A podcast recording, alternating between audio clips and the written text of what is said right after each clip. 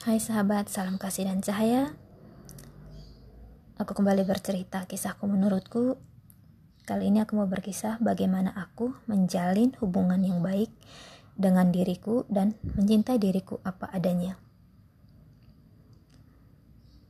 Self love kumulai dengan pemahaman bahwa untuk menghadirkan apa pun yang kubutuhkan dengan mudah, ringan, dan menyenangkan, segala sesuatunya harus kumulai dari dalam diri. Dimulai dari menyembuhkan inner child, berlanjut menyembuhkan luka-luka yang kualami di usia remaja sampai dewasa muda. Luka-luka ini banyak, jadi tidak bisa disembuhkan dalam sekali waktu, melainkan berproses. Ketika luka mulai tersembuhkan, tubuh pun berproses untuk melepas memori-memori lama yang tersimpan dan reaksi fisiknya bisa berupa rasa sakit di tubuh. Ini yang disebut purjin. Purjin bisa terjadi lebih dari sekali. Proses ini kadang melelahkan, tetapi dengan berkesadaran, proses ini bisa terlampaui. Dan kadang-kadang aku butuh suntikan energi dari teman-teman yang satu frekuensi. Karena di era Aquarius ini, semua berjejaring.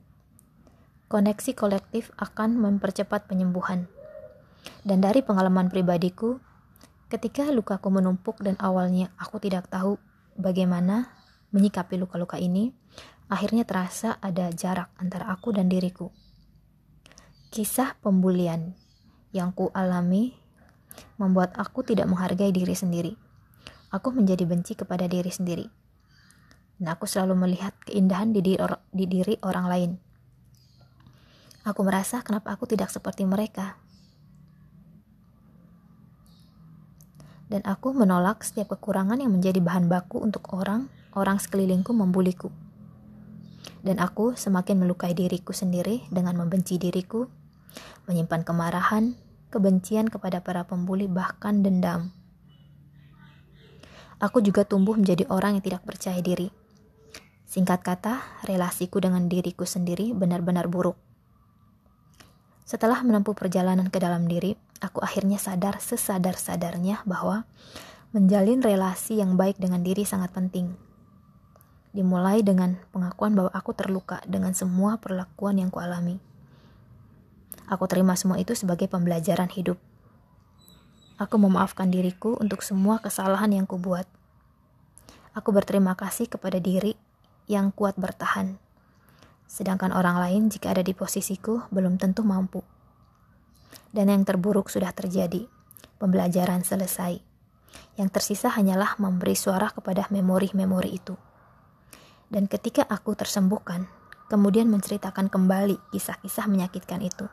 Kisah itu lebih terdengar sebagai kalimat berita saja.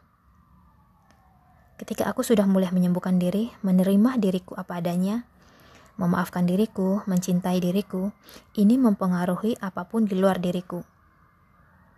Aku bertemu orang-orang yang sefrekuensi, yang cinta mereka tanpa syarat apa pun. Dan aku harus nyaman dengan diriku sendiri terlebih dahulu. Aku harus sembuh dulu, baru bisa menyembuhkan orang lain. Aku tidak bisa memberi kepada orang lain apa yang aku tidak punya. Jika aku tidak bisa mencintai diriku sendiri, bagaimana aku bisa membagi cinta itu kepada orang lain. Nah, sahabat, ini ceritaku. Thank you, namaste.